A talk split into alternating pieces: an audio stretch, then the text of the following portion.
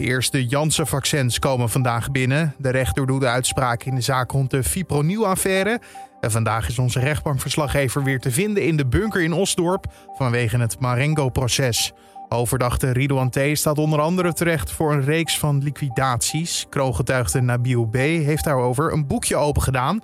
Maar volgens T. klopt daar helemaal niets van. Dus hij liet het niet na om, om dan persoonlijk uh, te uiten hoe boos hij wel liep. was. Hij noemde hem een leugenaar, pathologische leugenaar.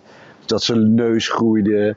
Dat hij, dat hij hem eigenlijk. Dat hij, die kroongetuige hem nog nooit heeft gezien, nog nooit heeft gesproken. Hij zei ook van ik zie je nu voor het eerst, ik weet helemaal niet wie je bent. Rechtbankverslaggever Joris Peters praat je zo verder bij over het proces van afgelopen week en wat we vandaag kunnen verwachten in de rechtszaal. Maar eerst kijken we kort naar het belangrijkste nieuws van nu. Mijn naam is Carne van der Brink en het is vandaag maandag 12 april gooi de terrassen wel open. Dat hebben de burgemeesters van Amsterdam, Rotterdam, Den Haag en Utrecht gisteren laten weten. Het is de tweede keer dat de steden met een dringend verzoek komen. Volgens hen hebben de grote steden de buitenruimtes hard nodig. Want als het weer beter wordt, dan is de handhaving onhaalbaar. Gisteren kondigde het kabinet juist aan dat de versoepelingen, waaronder het openen van terrassen, een week worden uitgesteld. Mensen met een tijdelijke verblijfsvergunning worden soms onterecht bestempeld als fraudeur. Hierdoor moeten ze ontvangen toeslagen terugbetalen en kunnen ze zelfs hun verblijfsvergunning kwijtraken. Dat schrijft Trouw op basis van een wetenschappelijk artikel in het Nederlands Juristenblad. Het beleid van de IND doet denken aan de toeslagenaffaire. De overheid wantrouwt een groep kwetsbare mensen en dat heeft vergaande consequenties, zo schrijven de wetenschappers. De corona-zelftests zijn populair. Volgens de voorzitter van de apothekenorganisatie KNP zijn er al 200.000 stuks verkocht. Dat staat in het AD. Volgens de voorzitter is het gigantisch druk in de apotheek. Sommige mensen kopen er meteen vier of vijf voor het hele gezin. Deskundigen uiten wel hun zorgen omdat de uitslag minder nauwkeurig zou zijn. De experts zijn ook bang dat mensen na een positieve zelftest niet meer de moeite nemen om naar de GGD te gaan, waardoor de overheid geen zicht meer heeft op alle coronabesmettingen. Harvey Weinstein zou in het geheim wederom zijn aangeklaagd wegens verkrachting. De aanklacht tegen de oud-Hollywood-producent wordt volgens Fox News vandaag openbaar gemaakt tijdens een zitting in New York, waar al meerdere zaken tegen Weinstein lopen. In de staat Californië wordt Weinstein nu aangeklaagd voor elf zaken, onder meer verkrachting, aanranding en mishandeling. Mocht hij voor deze delicten veroordeeld worden, dan kan zijn straf oplopen tot 140 jaar cel, wat inhoudt dat de 69-jarige Weinstein nooit meer vrijkomt. We gaan weer verder met het Marengo-proces. In deze megazaak staan hoofdverdachte Ridouan T. en 16 medeverdachten terecht. Onder meer op verdenking van betrokkenheid bij een reeks onderwereldmoorden of simpel gezegd liquidaties. Tot eind juni heeft de rechtbank 18 procesdagen gepland en onze eigen rechtbankverslaggever Joris Peters volgt die nauwlettend. Collega Julien Dom blikt eerst nog even terug naar afgelopen vrijdag. Want toen mocht de advocaat van Ridouan T. eindelijk kroongetuige Nabil B. ondervragen. Nou, ter, nuancering, het is niet de eerste keer, maar het is wel de eerste keer in het openbaar. Dus je hebt al bij de onderzoeksrechter heb je al de mogelijkheid om te ondervragen. Maar nu was het voor het eerst dat Ridouan T. natuurlijk ook naast zat. Ehm, en eigenlijk uh, zat iedereen daar een beetje, en dan heb ik het over iedereen, dat zijn de journalisten, die zaten een beetje te hopen op hè, wat gaat Ridouan T. nou uh, vragen aan uh, de kroongetuigen. Omdat in de eerdere zitting uh, er al behoorlijk wat botsingen zijn geweest tussen die twee. Dus eigenlijk zaten jullie daar te wachten op vuurwerk, als ik het een beetje goed hoor. En, toch wel een beetje, omdat en, en, en wat, er, dat, wat er vaak gebeurt als er vuurwerk is, is dat uh, is als er, uh, er is, is behoorlijke frictie tussen die twee. En als er frictie is, dan ben je, hè, dus is, gaat het vaak gepaard met woede. En in woede zeg je vaak dingen die je misschien eigenlijk niet wil zeggen. Dus vandaar dat het vaak interessant is. Maar ik denk dat uh, Ines Wesky dat ook weet. En die heeft tegen Riedeman gezegd van uh, stel jij vandaag, of uh, stel jij vrijdag maar vooral geen vragen. Hield hij zich daaraan? Daar hield hij zich braaf aan, ja. ja. Oh, jammer voor jullie als journalisten dus. Ja, dat is jammer. Dat is jammer. Uh, maar goed, hij is wel uh, hij is fanatiek hoor. Ik bedoel, uh, vrijdag is er weer een zitting. Ehm, eh, en dan zal hij dan zal hij opnieuw eh, aanwezig zijn. Dus hij is wel actief bezig met zijn, eh, met zijn verdediging. Ja, want als we het over zijn fanatisme hebben, waarin die, hij zit met vuur als het ware in zijn hart in die zaal. Want eerder vorige week liet hij wel even van zich horen. Toen was hij blijkbaar nog niet gewaarschuwd door Wesky. Nee, precies. Ja, toen, kon hij, hij kan zich natuurlijk niet inhouden. er zit een persoon die hem van uh, beschuldigt dat hij een medogeloze leider is van een criminele organisatie met uh, zeer veel moorden uh, op zijn naam. En hij hangt natuurlijk gewoon levenslang boven het hoofd. En dat, dat is allemaal het gevolg van de verklaringen van deze kroongetuig. Dus hij liet het niet na om, om dan persoonlijk te uiten hoe boos hij wel was. Hij noemde hem een leugenaar, pathologische leugenaar. Dat zijn neus groeide. Dat hij, dat hij hem eigenlijk. Dat hij, die kroongetuige hem nog nooit heeft gezien, nog nooit heeft gesproken. Hij zei ook van ik zie je nu voor het eerst, ik weet helemaal niet wie je bent. Ehm, dus ja, die, die spanningen zijn wel voelbaar, ja. Nou ja, hij hield dan vrijdag zijn mond, Ridouan T. Maar uh, goed, hij zal ongetwijfeld met zijn advocaat hebben besproken wat, wat gevraagd moet worden aan de kroongetuigen. Oftewel, wat wilde de advocaat van de kroongetuigen weten? Ja, dat gaat dan heel erg in op details. Dus het, verhoor is nu. Ehm, wat je hebt, is dat je binnenkort krijg je, gaan ze de zaaksdossiers behandelen. En zaaksdossiers zijn eigenlijk gewoon de verdenkingen, oftewel de, de, de liquidaties. Uh, en dan zullen ze hem daar specifiek vragen over stellen, dus de kroongetuigen. Um, maar in deze verhoren kun je me ook al wat vragen stellen over andere uh, kwesties. En dat gaat soms heel erg in op de details. Um, dat gaat Waar moeten we dan aan denken? Nou, dat gaat bijvoorbeeld over die um, telefoon die uh, de kroongetuige op cel heeft gehad. Waar die, uh, waar die in eerste instantie over heeft gelogen over een iPhone. Um, en wat later toch uh, duidelijk is geworden. En wat, en wat de verdediging is gewoon wil weten van... Weet je, waarom heb je daar nou over gelogen? Kon je er ook mee op internet bijvoorbeeld? Heb jij dingen opgezocht? Uh, heb je daar je kennis vandaan? Nou goed, daar uh, zijn vragen over gesteld. Maar willen ze hier dan mee aantonen door zo op de details in te gaan van zie je, dit heb je verkeerd verteld, hierover heb je gelogen, dus je bent onbetrouwbaar als kroongetuige? Ja, dat is wel, kijk, wat de precieze tactiek is van Wesky, dat weet ik niet, maar het, dat zijn, is wel een onderdeel. Dus dat is natuurlijk iets wat je wil, hè? je wil laten zien uh, dat wat hij vertelt niet klopt. Maar het gaat vooral, wat vooral van belang is, is wat was nou die positie van die kroongetuige? Wat was nou zijn positie in die uh, criminele organisatie? Dat hij dusdanig veel kennis heeft dat hij dit allemaal kan vertellen.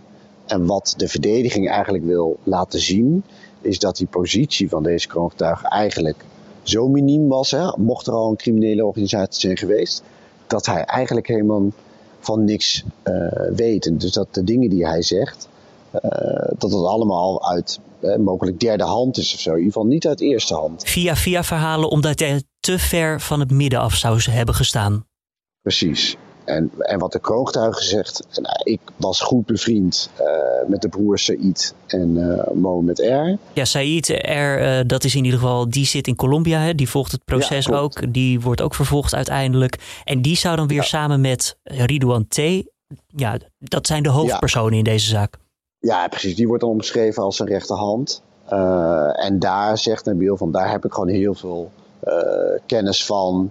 Uh, ik heb ook zelf veel contact gehad met Ridouan T. Uh, dus ik weet heel goed waar ik over praat. Nou, lijkt me toch moeilijk. Want Ridouan T zegt dus eigenlijk van... ik ken je helemaal niet. Hij ontkent uh, volledig het... Nou, bijna volledig het bestaan van Nabil B., de kroongetuige.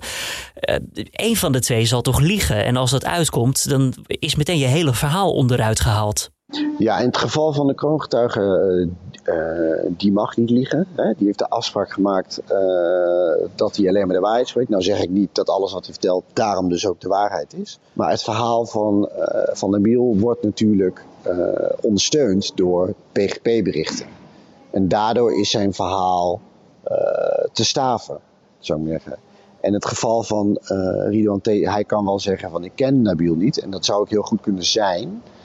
Maar daar wordt uh, in dit soort uh, type rechtszaken wordt daar ook wel rekening mee gehouden. Dat is namelijk hoe uh, criminele organisaties werken. De leider heeft altijd personen onder hem en die onderhouden weer contacten met anderen om als je wordt aangehouden of als je wordt verdacht, altijd kan zeggen: joh, ik weet niet wie deze persoon is. Ik heb nooit contact met hem gehad, dus ik weet niet waar hij het over heeft.